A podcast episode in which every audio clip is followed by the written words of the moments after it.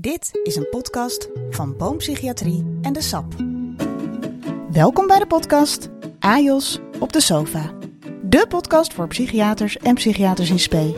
Mijn naam is Hanna Klein-Haneveld, uitgever psychiatrie. En elke aflevering onderzoek ik samen met AJOS Elissa Stam één thema.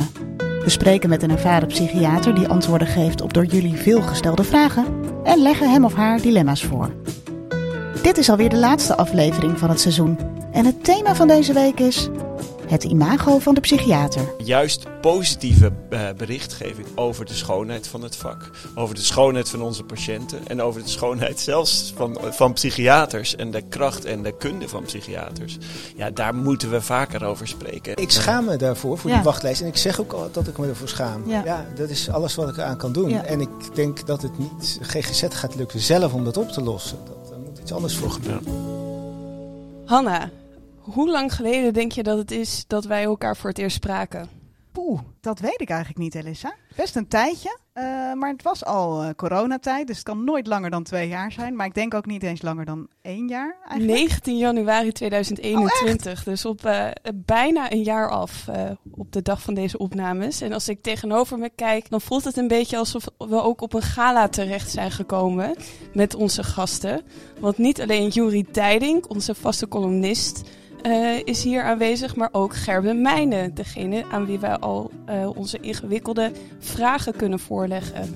Dus eh, welkom. Dankjewel eh dat jullie hier zo wilden zijn voor onze laatste aflevering. Ja, heel leuk, heel leuk. Heel Ja. leuk Ja. dat jullie er zijn. Dank voor de uitnodiging. Idem dito. Graag gedaan. Het- we zitten in Amsterdam op de uitgeverij. Dat is eh, voor het eerst. Meestal zitten we in GGZ-instellingen of eh, in een eh, restaurant met de naam Freud. Eh, deze keer zitten we op de Prinsengracht in Amsterdam bij uitgeverij Boom. En ik zag heel veel boeken bij de rondleiding. En zoals ik weet van jou van de eerste aflevering, houden wij psychiaters van heel veel boeken. En ik moet zeggen, ik werd er ook heel erg enthousiast van. En voor de laatste aflevering hadden we eigenlijk wel een speciaal onderwerp om ook eh, wat terug te kijken op onze, ja, misschien wel eerste seizoen. Zou je er eens wat meer over kunnen vertellen? Zeker. We wilden het heel graag met jullie hebben over het imago van de psychiater. Vorig jaar verscheen in het tijdschrift voor psychiatrie een eh, redactioneel van Robert Duvivier, als ik het goed uitspreek. Eh, hij was toen AIOS psychiatrie en hij schreef een stuk over het imago van de psychiater. En hij merkte in de praktijk op dat psychiaters een imago-probleem hebben. Zo hoorde hij dat bijvoorbeeld van geneeskundestudenten. En hij vroeg zich eigenlijk af hoe dat nou eh, komt. Nou, er is natuurlijk wel eens vaker wat over geschreven, over het imago van de psychiater en waarom dat niet zo al te best is. En eigenlijk komt het erop neer dat er drie onderling gerelateerde processen van invloed zijn. De perceptie in de maatschappij van de psychiatrie. Dus eh, ja, eigenlijk stigmatisering en dat soort termen moet je dan aan denken. De publieke opinie over psychiaters, die natuurlijk ook samenhangt met die stigmatisering. En de mening van andere artsen over psychiaters. Nou, we zouden het leuk vinden om met jullie eh, deze verschillende facetten is de revue te laten passeren en te kijken hoe jullie daar naar kijken, wat jullie daarvan vinden. En eh, ja, misschien komen we dan ook wel af en toe eens terug op een aflevering die al eerder geweest is, omdat het alles aan, aan bod gekomen is. Dat zou zomaar eens kunnen. En ik denk om eigenlijk te beginnen, Juri, jij hebt natuurlijk eh, steeds een column geschreven voor al onze onderwerpen. Zou je durven zeggen dat deze podcast bijdraagt aan een positief imago van de psychiater en psychiater in opleiding? Ja, kijk, ik, ik durf natuurlijk helemaal geen nee te zeggen. Dus, eh, dus ik zeg ook ja, nee, dat denk ik dat het heel erg werkt. Maar het gaat, eh, het gaat heel erg over eh, beeldvorming natuurlijk ook. Hè. En dit is media, me- het gaat over psychiatrie. En dan is positieve beeldvorming super belangrijk. En dat is wat er heel vaak om leek. We komen heel vaak in het negatieve, in, negatief daglicht te staan, omdat er gewoon ook heel veel negatieve aspecten aan het aan, aan de psychiatrie zitten. En dat bedoel ik niet negatief, maar dat bedoel ik eigenlijk positief. Er is ook veel om over te praten. En eh, juist positieve eh, berichtgeving over de schoonheid van het vak, over de schoonheid van onze patiënten en over de schoonheid zelfs van, van psychiaters en de kracht en de kunde van psychiaters. Ja, daar moeten we vaker over spreken. En, en ik denk dat dat op een genuanceerde manier wel in de podcast is gebeurd. Ik vraag me af, hoe vaak zijn mensen schoorvoetend naar jou toegekomen om te bekennen dat ze een vliestrui in de kast hadden? Ik heb er toch wel drie psychiaters gehad die, nou ja, heel twijfelachtig zeiden, wat moet ik hier dan mee? Ja, nee, dat, dat klopt. En mijn AJOS durft nu ook eh, eh, geen vliestuin meer aan te doen eh, naar zijn werk. En eh, ja, daar ben ik hem toch wel heel dankbaar voor. Hey, ehm, daar, nu heb jij het over jouw AJOS die dan niet in een vliestrui wil komen. Eh, is het eigenlijk leuk om in opleiding te zijn of niet? Nou, ja, is misschien lastig om het over je eigen AJOS te hebben, maar misschien meer in de algemene zin. Mm, voor, ik, voor mijn eiers, dat weet ik natuurlijk niet. Maar ik denk dat het. eh, kijk, het is, het is intensief om in opleiding te zijn. Je moet op heel veel verschillende manieren moet je, je ontwikkelen. En eh, volgens mij had ik dat kort al even benoemd in, in een van de columns. Maar dat is ook de schoonheid. Hè? Je moet op heel veel vlakken. Word jij een beter mens eigenlijk. En word je vooral een betere psychiater. Eh, maar dat betekent ook dat het echt soms niet leuk is. En dat is juist, ik denk dat we dat moeten koesteren. Dat het soms niet leuk is om psychiater te zijn. Want dat betekent ook dat je, eh, dat je eh, jezelf ontwikkelt. Want niet leuke dingen, ja, dan, daar leer je weer iets van. En dan word je weer een hopelijk, of eigenlijk meestal wel een iets rijker persoon van. Jullie zijn natuurlijk alle twee ook supervisoren. Ehm, en ik kan me voorstellen dat naast AIOS'en of ANIOS'en jullie ook nog wel eens eh geneeskunde eh, studenten begeleiden of spreken. Wat merken jullie eigenlijk eh, van hen als je, het, als je het hebt over de perceptie van psychiatrie? Zijn er heel veel vooroordelen of loopt het heel erg uiteen? Nou, ik merk niet zoveel van die vooroordelen. Ik ben eigenlijk altijd wel benieuwd of ze aan psychiatrie denken voor later, zal ik maar zeggen. Sommigen doen dat wel, anderen niet. Ja, stellen vaak hele goede vragen. Komen meestal bij ons van de opnameafdeling een keertje meelopen op de poli. Ja, ik, eh, ik merk vaak interesse gewoon in wat we doen. En ehm, ik heb ook het idee dat die, eh, nou ja, wat jij net noemde, eh Hanna, dus eh, de media, eh, perceptie, het algemene perceptie van andere artsen, hè, dat, dat is het, het zijn misschien nog niet zozeer die co-assistenten die een negatieve perceptie hebben, ehm, maar, eh, maar, maar, andere. Behalve dan deze co-assistent uit het hele mooie redactioneel van het Tijdschrift voor Psychiatrie. Vaak mooie redactionele, maar dit is wel een, eh, een, een hele goede, ook heel mooi opgebouwd. Ja, iemand die eigenlijk zegt, er komt zo vaak negatief in de media eh, als, als psychiater.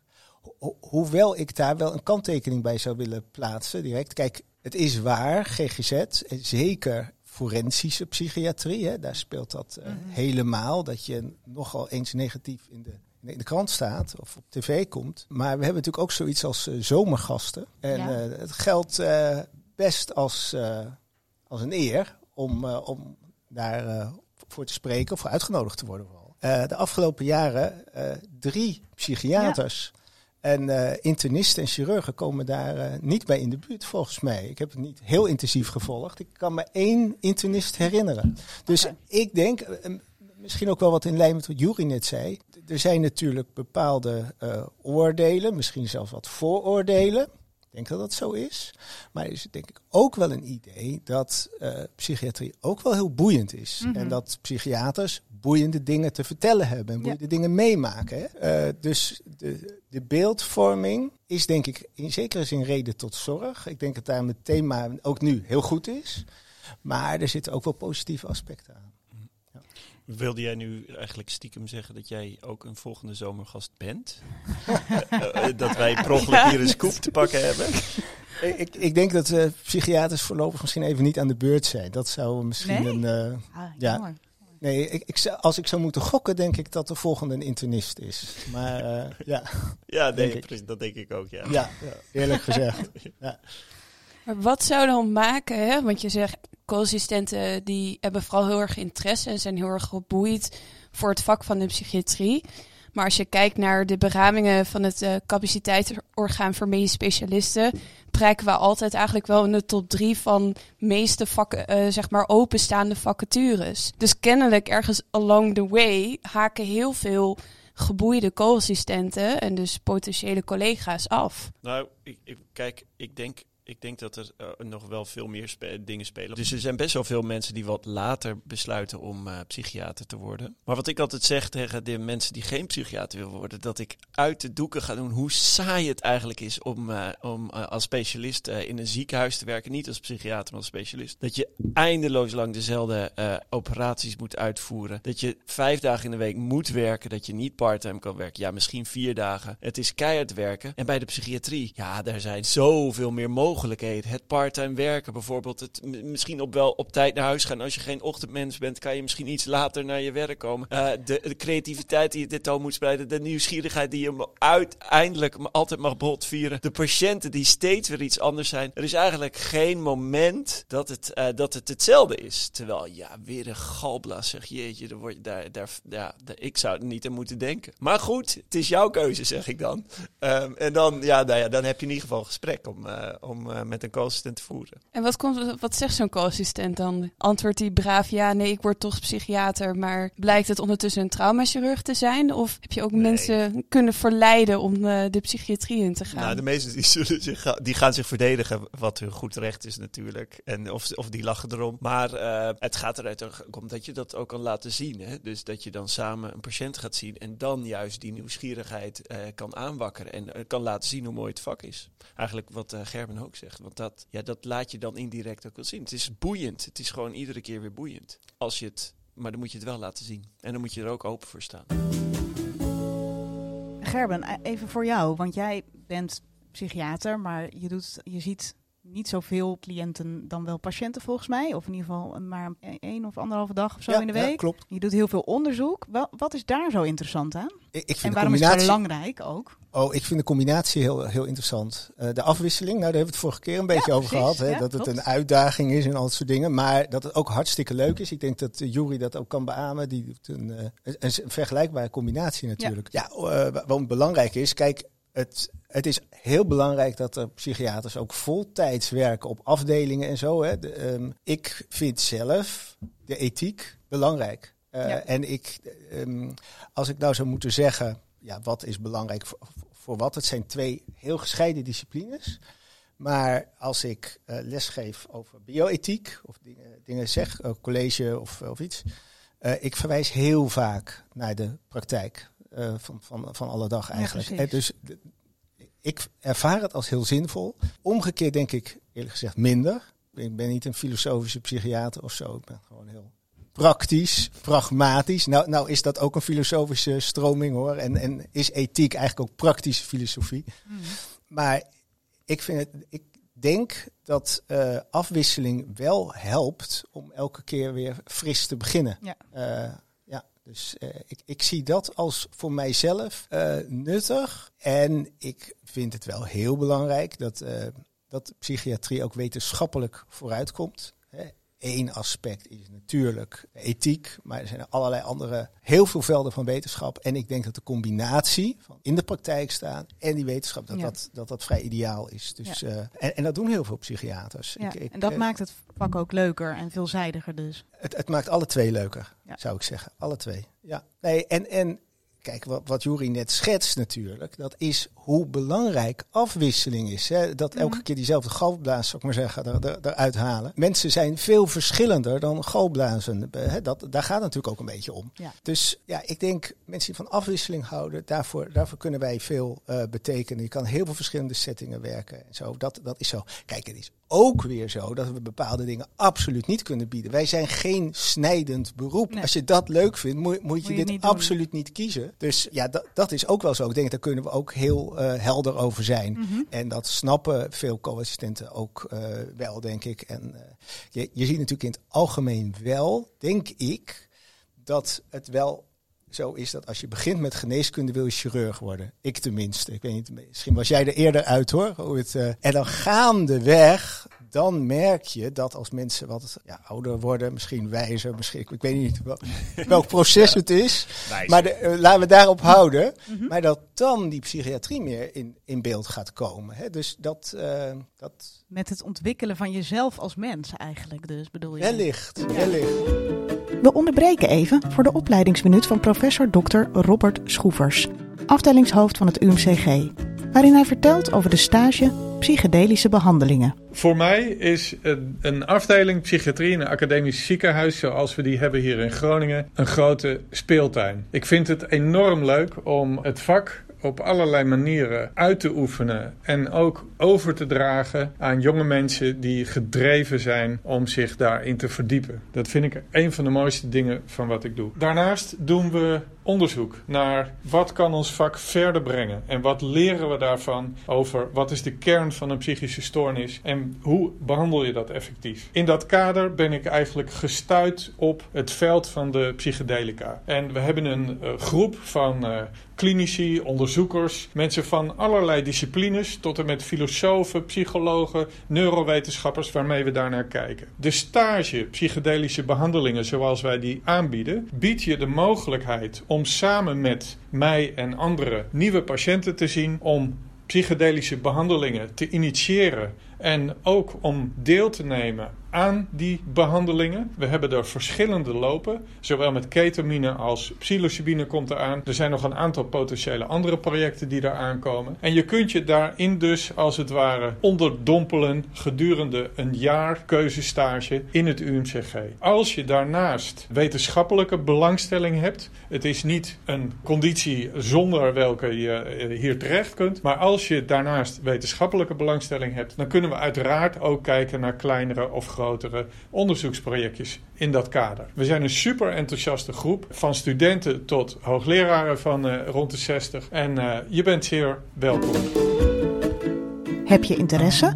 Neem dan contact op met het UMCG of met ons via podcast.ajospsychiatrie.nl kern van het vak, hè? de diversiteit van de mensen, wat het ook zo aantrekkelijk maakt. Maar maakt het daarin eigenlijk ook niet ongelooflijk ingewikkeld om de beeldvorming van de psychiatrie bij te schaven in de maatschappij, in de media? Omdat er is altijd het verhaal van het individu. Maar dan, nou, om maar iets heel praktisch te zeggen, ja, je kan natuurlijk nooit helemaal in detail gaan, dan schenk je je beroepsgeheim. En wat voor de een werkt, werkt misschien niet per se voor de ander. Ja, ja dat, uh, dat, dat klopt. Dat is zo. Kijk, ik denk dat dat imago dat wij hebben, is op zich niet zo heel belangrijk. Hè? Want je zegt, het is, uh, er is wel een tekort aan psychiaters, maar er zijn ook heel veel psychiaters. Wat belangrijk is, is wat eronder ligt. En daar verwees Hanna ook direct naar. En dat is dat stigma. Ja. Dat ligt eronder. En de reden waarom we daar nu over moeten spreken, over dat imago, is denk ik ook dat uiteindelijk het daarmee verbonden is. En dat er een risico is dat mensen met psychische stoornissen uiteindelijk niet de behandeling krijgen die ze moeten hebben.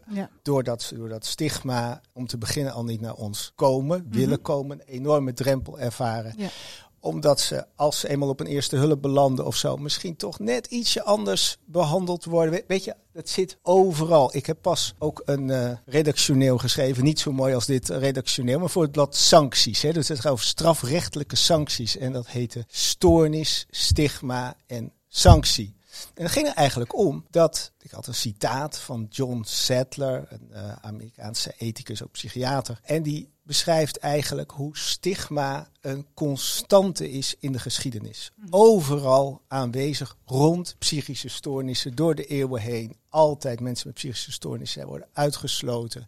En ook gestraft. En dat redactioneel ging er eigenlijk over dat als je dat weet, dat dat gebeurt, dat dat proces overal in doorcijpelt eigenlijk, dat je ook in het strafrecht altijd moet kijken, hey, als er onderscheid wordt gemaakt tussen mensen met en zonder stoornis, is dat gerechtvaardigd? Nou ja, goed, ik denk dus dat waarom we ermee bezig moeten zijn, is vanwege dat stigma, is uiteindelijk voor die psychiatrische patiënten. En dan komt het hele moeilijke.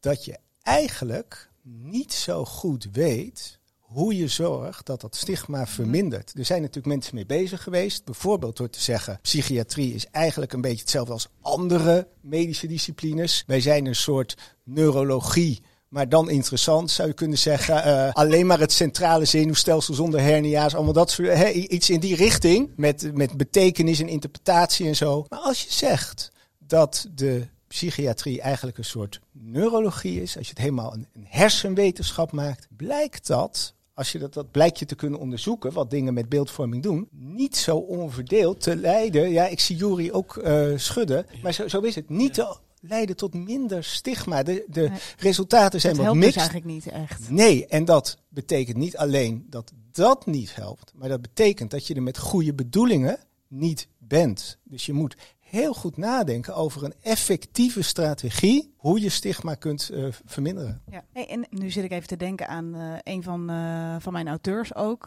Remke van Staveren, die boeken schrijft bij ons en die altijd heel erg bezig is met stigma ook. En met hoe kunnen we daar nou voor zorgen dat dat minder wordt en dat het verandert. En zij uh, heeft toen op een gegeven moment ook opgeroepen om, uh, om heel ja, de erg te stokfoto's letten, uh, te veranderen. Om heel erg te letten op wat plaatsen, kranten en tijdschriften en dergelijke. Nou, voor foto's bij stukken die gaan over de GGZ, over psychiatrie. En daar blijkt inderdaad uit dat dat, dat is heel moeilijk om dat te veranderen. Dat zit kennelijk zo diep geworteld in die media. Hoe zou je, hoe zou je daar nou mee om moeten gaan, Juri? Moet je daar als vak genoten zeg maar, je hart voor maken? Of kan dat? Denk je dat het zin heeft? Nou, er zijn heel veel. Ik denk dat er heel veel manieren zijn, omdat het echt in alle factoren zijpelt. Een van de manieren is denk ik ook dat we het ook moeten omarmen en juist moeten gebruiken als, als iets wat heel uh, krachtig is uh, van, uh, van de psychiatrische patiënt, de psychiater of de psychiatrische stoornis. Is dat het een juist een, een iets andere manier is om. het, is het, het, het is niet het normale. Het is toch het bijzondere. En je kan het noemen abnormaal of slecht. Nee, je moet het volgens mij de hele tijd relabelen naar bijzonder of mm net iets anders. Dus daar begint het al. Het begint bij inderdaad ook bij andere foto's. Niet van een uh, separeerbuis met bloed aan de muur. Of, uh, of met handboeien of een, zo'n kombuis. Maar eerder met een, met, met, een... Ja, ik weet het niet. In ieder geval andere foto's daarvoor. Maar het gaat, het gaat over zoveel meer. We hebben... vorig jaar hebben we een stukje geschreven in de Volkskrant over... en dat heette Welke sexy BN'er gaat een berg opzwemmen uh, om, uh, om uh, voor psychiatrische stoornissen. En we hadden, we hadden een beetje onderzoek gedaan. En wat bleek is dat er ongeveer 5 miljoen gaat naar, naar psychiatrische stoornissen voor wetenschappelijk onderzoek, hè, voor funding. En 125 miljoen naar kankeronderzoek. Dus dat betekent als je kijkt dat per patiënt uitrekent, dan gaat er 2 euro, 2,50 euro naar een, naar een patiënt. per patiënt is dat. En per, per kankerpatiënt is dat 125.000. Nee, nee, 1250 euro. Dus daar zie je al dat het, ja, eh, eh, kanker is heel sympathiek. Ja. Uh, hè, daar kun je niks aan doen en daar moet je tegen vechten. En een psychiatrische stoornis, dat is vaak je eigen schuld. En daar is geen, daar, ja, dat, dat, is, dat rekent niet op sympathie van de media. En daar, ja, daar gaat het al. Dan heb, onze oproep is juist van, nou, dan hebben we dus ook bekende mensen nodig die durven te vertellen over hun psychiatrische klachten. En dat is een, denk ik een hele belangrijke manier. En dat is denk ik wel nu er heel erg gaande in de maatschappij. Dat mensen durven te praten over, uh, over dat het niet goed gaat. Of dat een psychiatrische stoornis hebben gehad. Er zijn veel meer voorbeelden ook van de huidige BN'ers. Zoals zijn... Hanna Verboom uh, natuurlijk met Sinetrie ja. uh, open is geweest over haar bi of open is over ja. haar bipolaire stoornis. Katja Schuurman die erover praat. zo zijn er, nou, er zijn boekenschrijfsters die er, die er ook behoorlijk wat aandacht voor hebben gegeven. En dat helpt al, want dan maakt, wordt het het in de maatschappij iets normaler. Neemt niet weg dat het gedrag wat, sommige van, de, van de, uh, wat voortkomt uit sommige stoornissen toch nog wel, ja, dat roept vragen op en dat roept gevoelens op. Dat, daar, daar, ik denk dat we daar vooral uh, gebruik van moeten maken en het positief moeten blijven framen met elkaar. Als ik even een klein sprongetje vooruit maak uh, naar wat Robert ook aanhaalt, um, hè, de perceptie van andere artsen over de psychiatrie. Ik kijk jullie even beide aan. Ik neem aan dat jullie wel eens consulten op de spoed hebben gedaan, nu uh, als supervisor of in het verleden. En hoe vaak zijn jullie wel niet in consult gevraagd dat iemand ergens in een grijs verleden uh, een depressie heeft gehad, wat in het dossier genoteerd staat of een psychose. En dat ze zeggen van ja, we zien in de voorgeschiedenis een stoornis, dus we dachten laten we jullie maar in consult vragen, want dit is vast wel ingewikkeld. Ik zie de, ja. gravende. nee, ik, ik, ben, ik ben opgeleid in de, in de Valerius Kliniek. En uh, ja, wij deden uh, zelf consulten ook uh, voor het VUMC. En nu ben ik achterwacht voor het VUMC. Ja, we worden heel geregeld gevraagd. En dat geeft ook aan dat onze somatische collega's denken dat wij wat te bieden hebben. En we worden uh, op zinnige momenten gevraagd. En uh, wat we doen, daar doen ze wat mee, daar zijn ze blij mee. Dus eigenlijk ben ik heel tevreden. En denk ik dat de samenwerking heel goed is, eerlijk gezegd. En um, ik heb ooit eens bedacht dat. Kijk, je hoort soms consultvragen en dan denk je, waarom word ik in hemelsnaam gevraagd? Maar dat het toch vaak goede vragen zijn. Mensen vragen soms niet, of vragen het vaak niet voor niks. Ze noemen soms iets en dat is misschien niet de volledige reden dat ze je in consult vragen. Ze willen je gewoon graag bij hebben. Dus ik vind eigenlijk, wat ik merk, dat dat goed gaat. En ehm, ja, je zal best eens iemand. Uh, in, je zal best eens in, consult gevraagd worden zonder dat nodig is. Maar een neuroloog wordt ook wel eens. Uh, ja, ja, tuurlijk. Je wordt altijd wel eens voor niks gevraagd. Maar ik heb zelf wel het idee dat je soms gevraagd wordt. Eén, omdat dan mensen het heel snel niet bijzonder vinden. Of zoals jij zegt, hè, van het, het, wat anders. Maar dat ze denken, oh, psychiatrie. En dan, eh, nou, bij wijze van spreken met rillingen weglopen van het is ingewikkeld. Dus doe jij het maar als psychiater. En dat je ook bijna soms meer een verpleegkundig team of een somatische dokter aan het opvoeden bent over wat de psychiatrie is en dus wat we wel en niet kunnen bieden, dan dat je nu SEC echt de patiënt helpt of de patiënt behandelt. Ja, nou, ik, um, op een bepaalde manier herken ik het. Misschien wat jij zegt, ik zou het alleen positiever uh, labelen. kijk, nee. het, begint bij jezelf, toch? Ja. Lijkt me. Nee, kijk, uh, ik verbaas me soms over hoe ver uh, somatisch verpleegkundigen gaan op afdelingen. Die hebben echt heel wat patiënten onder hun hoede, zeg ik maar even. Met die ene uh, psychiatrische patiënt of die ene patiënt met een delier. En dan denk ik dat wij hebben vaak net iets meer dan anderen inderdaad oog voor interactie, voor contexten en zo. Dat het helemaal niet verkeerd is dat ons advies vaak interactioneel een beetje gericht is. En zegt, nou je kan er zus of zo mee omgaan. En als je dit nou ietsje anders inricht. En als je nou misschien de zoon of dochter vraagt om langs te komen. Dus ik denk dat hoort bij onze expertise. En, en kan ook geen kwaad om uh, mensen nog eens wat uit te leggen. Dus ik, uh, ik denk, ik herken wat je zegt. Maar ik zou het dus ietsje anders uh, formuleren. En, en ik heb er helemaal geen moeite mee dat dat mijn taak is. Ik vind het leuk, eigenlijk. Ja. ja. Juri, je bent heel stil, dus ik ben eigenlijk wel benieuwd wat er door jouw hoofd heen gaat. Nou, kijk, ik herken het natuurlijk wel. Dit is in het ziekenhuis en ik zie dat. Kijk, soms heb je er zin in uh, als psychiater om er, uh, om er iets aan te doen en om even met de verpleegkundige te gaan zitten en te zeggen van, uh, nou, wat, wat is dat nou precies? En, en soms dan, ja, dan is het ook irritant dat iemand weer die neg dat negatieve beeld heeft van een psychiatrische patiënt en dat een psychiatrische patiënt dus een ander soort behandeling krijgt, in ieder geval qua interactie dan een andere patiënt. Dus ja, en, en ja, dan volgens mij gaat het dan dat je probeert op spelenderwijs zo iemand toch op een leuke manier kennis te laten maken met de psychiatrie. En dat, is, dat, ja, dat vereist wel energie. Dus dan moet je jezelf wel, je kan wel de hele tijd een vast riedeltje vasthouden of boos worden op zo'n verpleegkundige. Nou, dokters ook overigens hoor, voor ja, precies. verpleegkundige boos nee, worden. Nee, dokters, dokters net, die, die, die, die, ja, maar het is ook angst. Het is ook echt angst, want mensen denken over iemand die zegt, ja, ik, wil, ik denk wel eens aan de dood. Nou, dan, uh, dan soms slaat een hele afdeling uh, op tilt. Uh, en dan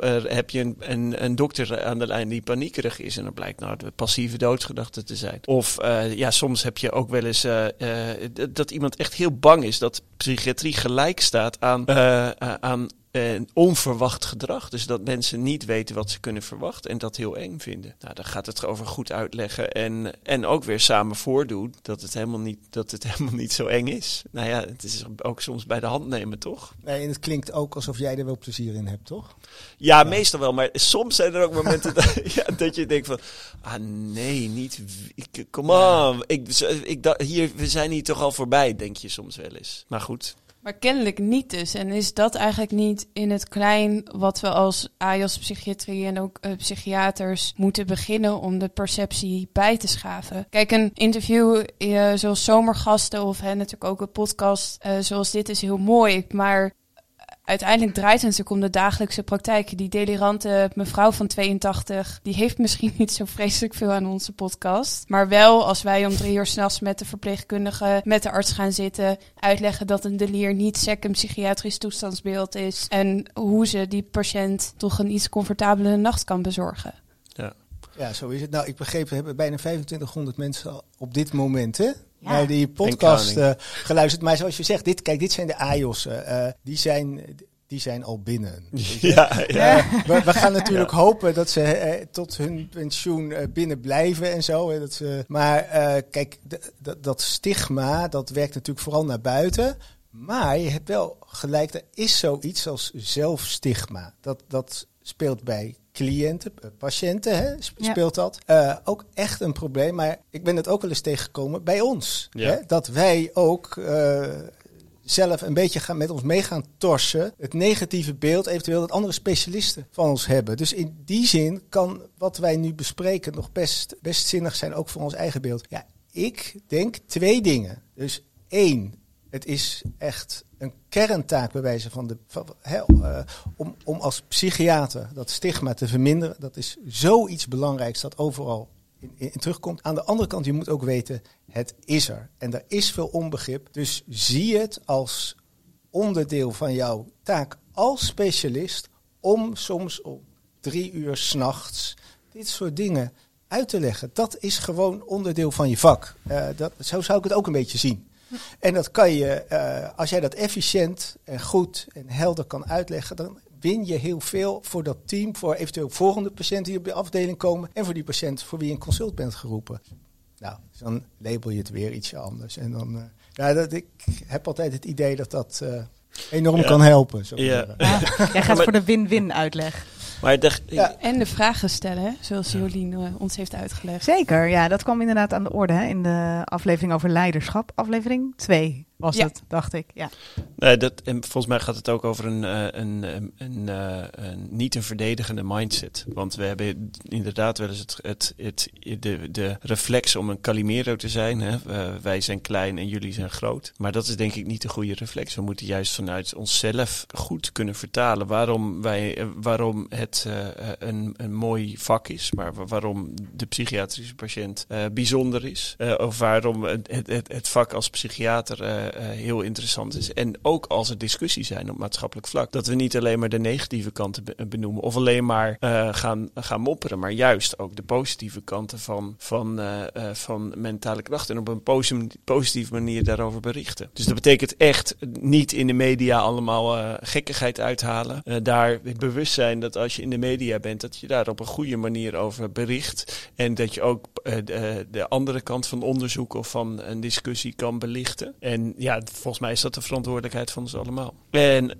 nu wil jij iets zeggen. Nou, niet per oh, se hoor. Oh. Nou, jij was jouw, li jouw lippen aan het natten om iets te gaan zeggen. Je let goed op, ja. joh. ja. ja. Niets ontgaat jou. Hey, en um, nou, we hebben het over hè, beeldvorming, over de psychiatrie, ook onder jullie collega's bijvoorbeeld. Maar als jullie nou op een feestje zijn, wat, wat, wat, is nou het idee wat mensen hebben over je als psychiater, denk je? Ongeveer? Heb je daar een idee van? Wat zeggen mensen? Wat leuk dat je psychiater ja, bent. Jij mag eerst, ja. Dit is heel leuk. Wij komen op dezelfde feestjes, denk ik.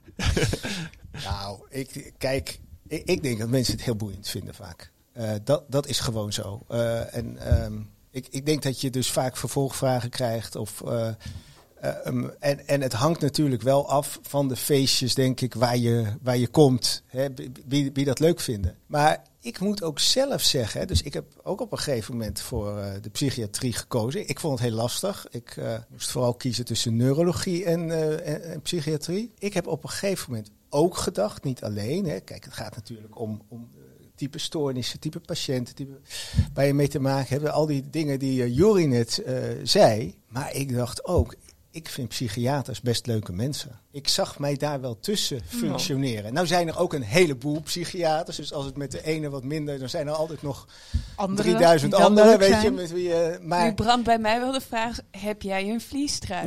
ja, ja, en ik dacht van, maar heb je wel goed naar die kleren gekeken van die psychiaters? ik, ik, heb alle, alle aspecten gekeken, Juri. Maar uh, nee, ik, ik kwam er wel op uit. Ik vond het best, uh, ik vond het best leuk. Ik ja. vind het zelf ja, uh, ook vaak mensen denken, hey, benieuwd wat je daarover denkt. Mm -hmm. En uh, ja, we hebben allemaal ook best behoorlijk andere vakken en specialisaties en zo. Hè? Mm -hmm. uh, ook al werk je allemaal op de poli, kan de een toch weer andere dingen dan de ander. Dus, nou ja, het is natuurlijk ook al een heel groot verschil of je bijvoorbeeld met kinderen werkt of met uh, ouderen. ook nog een keer. Zo, dat hè? ook dus nog dat is kinderen, ook nog heel divers. ouderen, forensisch. Ja. ja, er zitten heel veel heel interessante hoeken in ons. Ja, absoluut.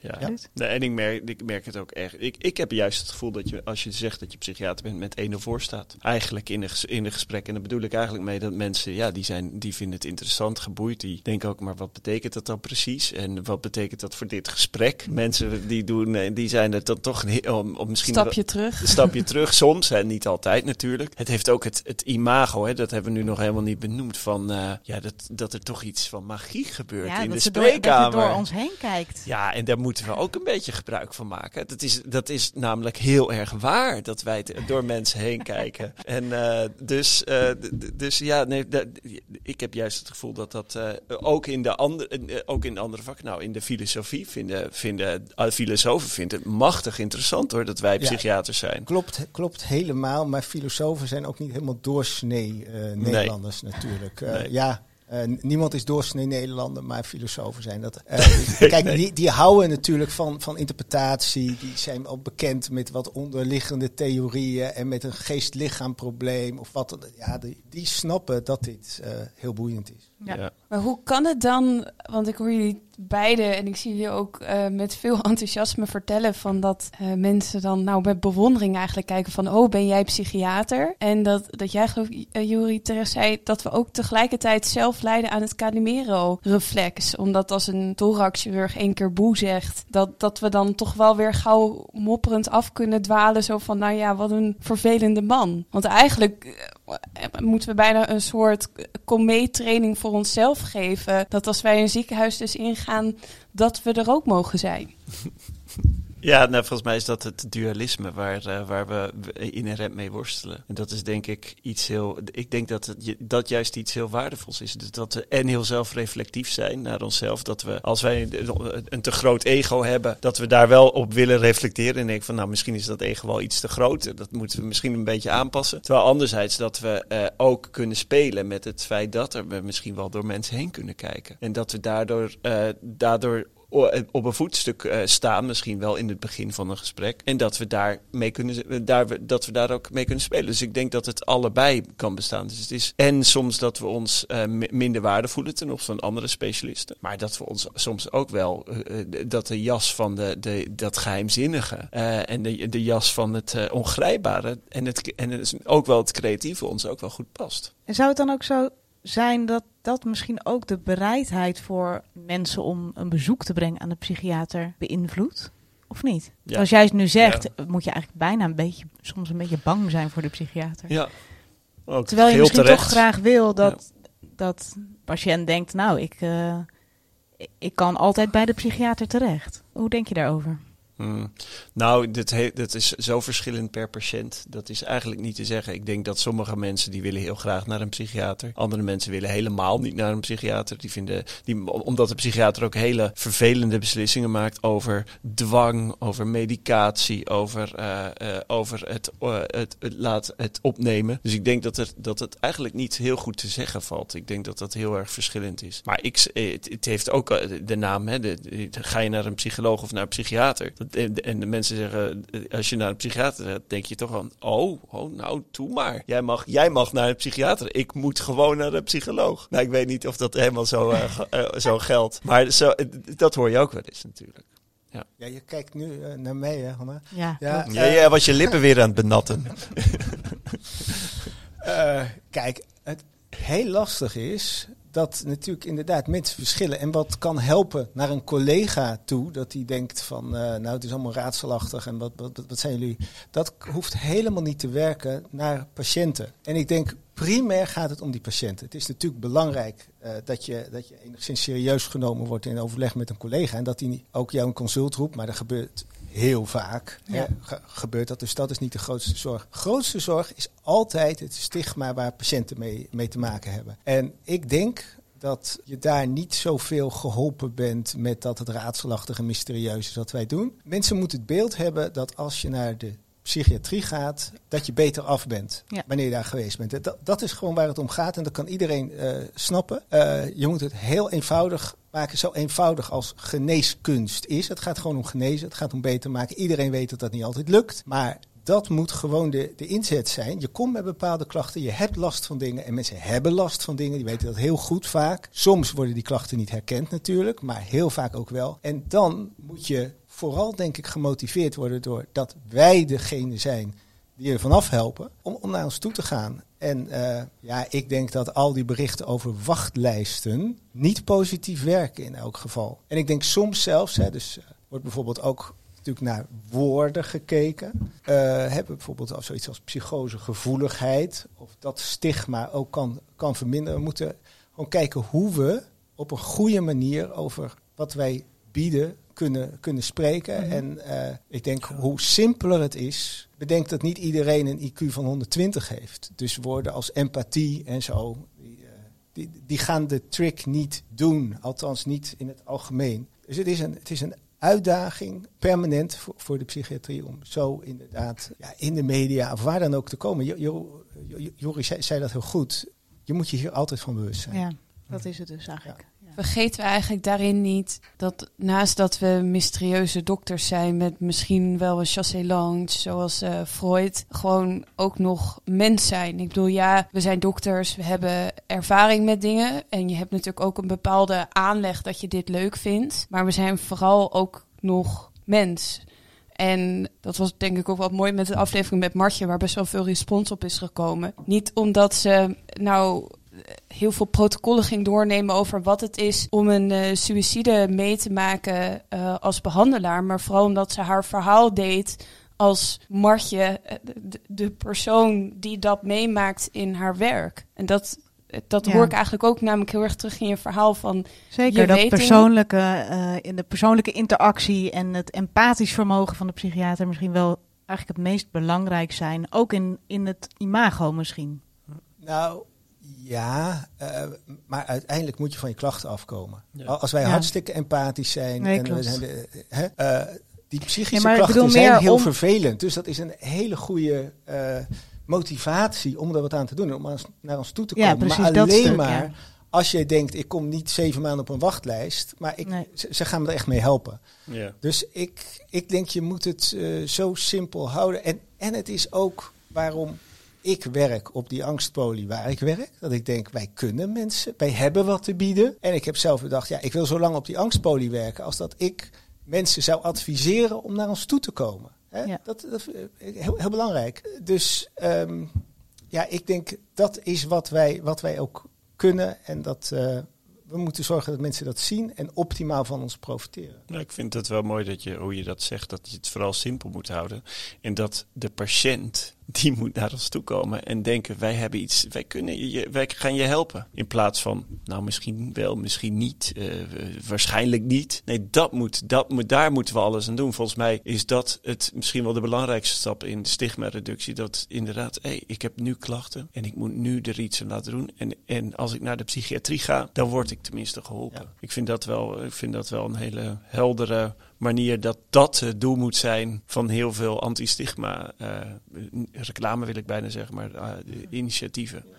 Ja, ja zeker. Nou ja, en, en, en de wachtlijsten daarbij zijn natuurlijk wel heel problematisch. Dus dat, ja. ik kan me voorstellen dat dat, uh, ja. dat dat het niet makkelijker maakt. Terwijl je daar misschien als individuele psychiater ja. vrij weinig aan kunt doen. Nee, ik schaam me daarvoor, voor die wachtlijst. En ik zeg ook al dat ik me ervoor schaam. Ja, dat is alles wat ik eraan kan doen. En ik denk dat, uh, dat het niet uh, de GGZ gaat lukken zelf om dat op te lossen. Dat er moet iets anders voor gebeuren. Ja, absoluut. Nee, en, en daarop volgend, hè, eigenlijk, want waardoor is er, zo, is er een relatief negatief... Er, zijn, er is natuurlijk heel veel tegenstand eigenlijk. Hè? En als je je dan gaat richten op de tegenstand, ja, volgens mij is dat niet de goede manier. Je moet je juist richten op wat je goed kan. En dat is patiënten helpen. En dat moet naar buiten, dat moet naar buiten komen. Want die tegenstand, en dan denk ik aan de Scientology, dan denk ik aan een Gutsen, dan denk ik aan de anti, an, uh, antidepressiva lobby, dan denk ik aan uh, mensen, uh, de antipsychiatrie, nou, aan heel veel, heel veel verschillende initiatieven die gewoon wereldwijd die er zijn, die die tegen de psychiatrie zijn. En we hebben heel weinig mensen die voor de psychiatrie zijn, behalve de psychiaters. Of de patiënten die er echt iets aan hebben gehad. En volgens mij moeten we ons vooral focussen op uh, dat, we, dat we iets kunnen betekenen in plaats van vechten tegen, uh, tegen Guts of tegen de Scientology Church. Volgens mij, eh, gezien de tijd, moeten we afronden. Is er nog een prangende vraag die we niet beantwoord eh, hebben ge- gezien, eh, Elissa? Ja, volgens mij niet. Hebben we het al gehad eh, over... Mag ik... Ik breek gewoon in. Ja, ja. Ja. Eh, hebben, hebben we het gehad over de rollende psychiaters eh, die eh, in de media de, elkaar de tent uitvechten? Of is dat, is dat hebben Nee, gepasseerd? je hebt, je hebt het station? wel een soort van zijdelings genoemd. Dat je er altijd heel erg bewust van moet zijn hoe je je opstelt in de media. Ja, en volgens mij gaat eh, als, als ik dan toch nog iets eh, wil zeggen. Ja, ik wil iets zeggen, blijkbaar. Eh, nee, is dat het juist die verschillende stromingen moet ontarmen. hè. We, we, we hebben natuurlijk heel veel verschillende stro- eh, scholen. Utrecht doet iets anders dan Amsterdam. En Groningen doet weer iets anders dan Nijmegen. Ehm, maar we moeten, die, we moeten niet tegen elkaar gaan. Dat moeten we gewoon niet doen. We moeten zeggen van nou, er zijn verschillende stromingen. Die moeten we allemaal accepteren. Ze hebben voordelen, ze hebben nadelen. En we moeten vooral uitdragen dat, dat, dat het onderdeel is ook van het vak. En niet dat er één, één waarheid is. Want dat, ehm, ja, dan, daar komen we echt niet verder mee. Zodat de patiënt voorop staat en dat we die kunnen helpen. Ja, ja. Wil jij er nog iets over zeggen, Gerben? Ik zie niet dat je je lip aan het benatten bent, dus waarschijnlijk niet. Nee, ik heb er niet iets over, over te zeggen. Ik vind, eh, kijk, wa- wat mensen zeggen is vaak heel, heel boeiend. En we zeiden dat al, het is een vak waar je heel veel over kan zeggen. En ik eh, vind het ook weer moeilijk om, de, ik vind vrijheid van meningsuiting en zo, en vrijheid van gedachtenvorming ook een heel belangrijk eh, ding hoor. Dus eh, ja, en, en je moet ook eh, in een democratie, zal ik maar zeggen, wel met elkaar de, de meningen soms delen. Dus de- dat, eh, dat aspect zie ik ook. En ik vind ook, je mag het publiek ook wel, eh, eh, je hoeft ze niet ehm, te laag in te schatten. Nee. Dat zou ik ook weer zeggen. Ja. Nou, lijkt me een hele mooie conclusie. Dan zit dit seizoen erop, Elissa. Ja, wie weet dat we elkaar weer eh, tegenkomen voor seizoen 2. Precies, daar gaan wij eens even goed over nadenken. Tot die tijd kunnen jullie alle afleveringen nog een keer luisteren. Want ik denk dat, het wel, eh, dat er zoveel in gezegd wordt. Dat als je het nog een keer luistert, dat je weer allerlei nieuwe dingen hoort. En vergeet de winactie niet. Want dit is natuurlijk denk ik ook weer een aflevering die eh, in het favoriete lijstje binnenkomt. Precies. Dus nou, dan kun je een leuk boekenpakket winnen. Dat is altijd leuk. Meer informatie over deze podcast en over de winactie vind je op boompsychiatrie.nl slash AIOS. Bedankt voor het luisteren en vergeet niet ons te volgen. Wie weet hoor je ons binnenkort in een heel nieuw seizoen. Voor nu eh, hartelijk dank allebei voor jullie komst. Superleuk dat jullie willen, wilden komen. Vonden wij ook heel leuk. Ja, dat vonden wij ook. Ja. Dat Mooi zo, dankjewel Juri. Dankjewel.